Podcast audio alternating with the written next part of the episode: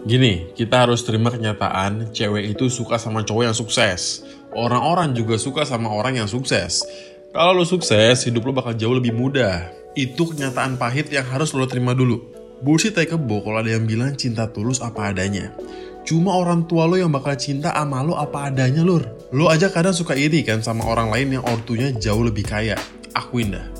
Kalau lo aja kadang nggak tulus sama orang tua lo, apalagi orang lain ke lo. That's the bitter truth yang harus selalu kita sadar. Intinya lo mesti sukses. Nggak ada yang tulus di dunia ini, pasti. Sukses tidak sama dengan kaya raya. Please take notes ya bro. Taraf sukses setiap manusia itu berbeda-beda. My idola Prabowo Subianto itu orang kaya raya, bisa bikin Indomaret 1000 biji. Tapi mungkin menurut dia, dia itu belum sukses karena ambisinya belum tercapai yaitu jadi presiden. Ada juga orang yang duitnya biasa aja tapi menurut dia, dia itu sukses. Karena ya mungkin sukses menurut dia itu adalah menjadi ustadz. Kayak artis zaman sekarang banyak yang hijrah, meskipun harus ninggalin dunia TV yang bergelimang cuan tuh. That is purpose bro, tujuan hidup. Kalau lo punya tujuan hidup, hidup lo lebih jelas sukses apa enggaknya. Kalau purpose aja nggak punya, lo nggak akan pernah tahu lo itu sukses apa kagak. Tujuan aja kagak ada, diri sendiri aja nggak tahu mau jadi apa. Gimana cewek mau suka sama lo kampret kalau punya purpose, intinya lu tahu lu harus ngapain. Hidup lu jelas arahnya ke mana, kagak mulu mikirin pusi sama jumlah followers Instagram. Kecuali ya tujuan hidup lu serendah itu. That's my friend. That is a purpose. That is high value male.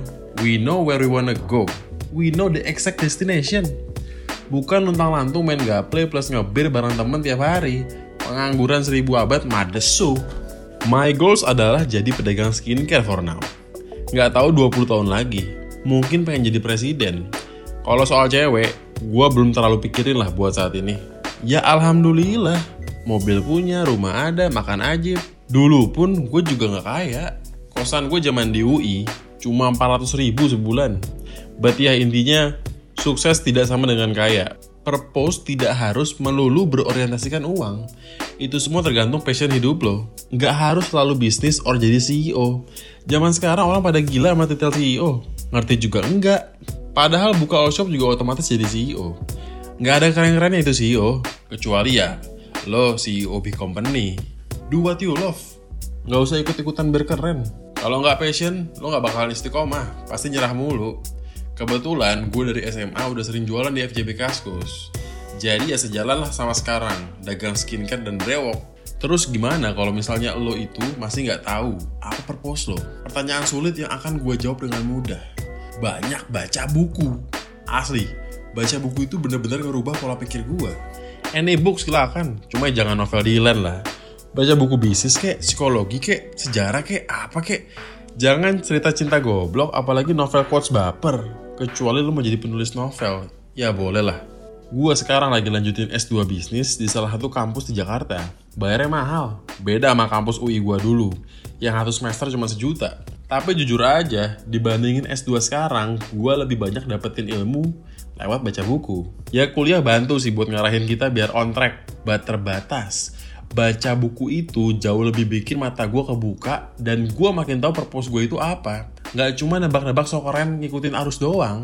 Buku favorit gue itu Building a Story Brand karangan Donald Miller. Beda ya belajar dari buku sama dari YouTube, jangan disamain.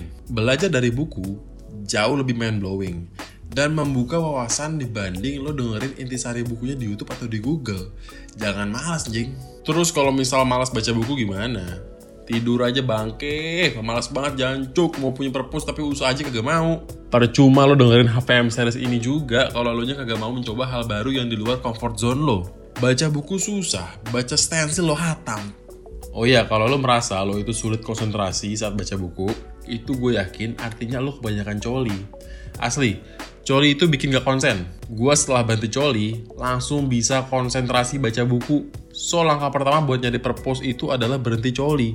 Berhenti seminggu aja udah besar banget perubahannya. Pasti. Intinya kalau mau punya purpose, banyak baca buku dari sekarang. Simple but powerful. Paksain diri lo sebulan satu buku. Gue jamin, gak sampai setahun juga udah ketahuan purpose lo mau ke mana.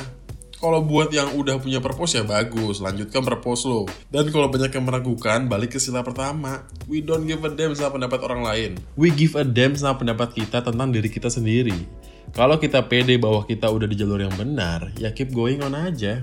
Kalau ada yang kritik kita, ya jadiin bahan introspeksi aja. Tapi jangan sampai ngapus mimpi lo. Nggak ada yang nggak mungkin cuy.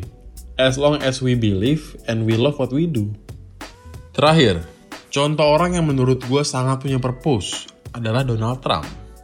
Dari zaman tahun 1980-an, Donald Trump itu selalu concern sama masalah free trade di US. Sampai dia jadi presiden di tahun 2016 pun, tetap aja isu yang dia bawa itu selalu soal free trade. Bayangin, dia itu meskipun begajulan ya, tapi tahu purpose-nya apa. Omongannya nggak berubah meskipun 20-an tahun. Keren cuk. That's man with purpose.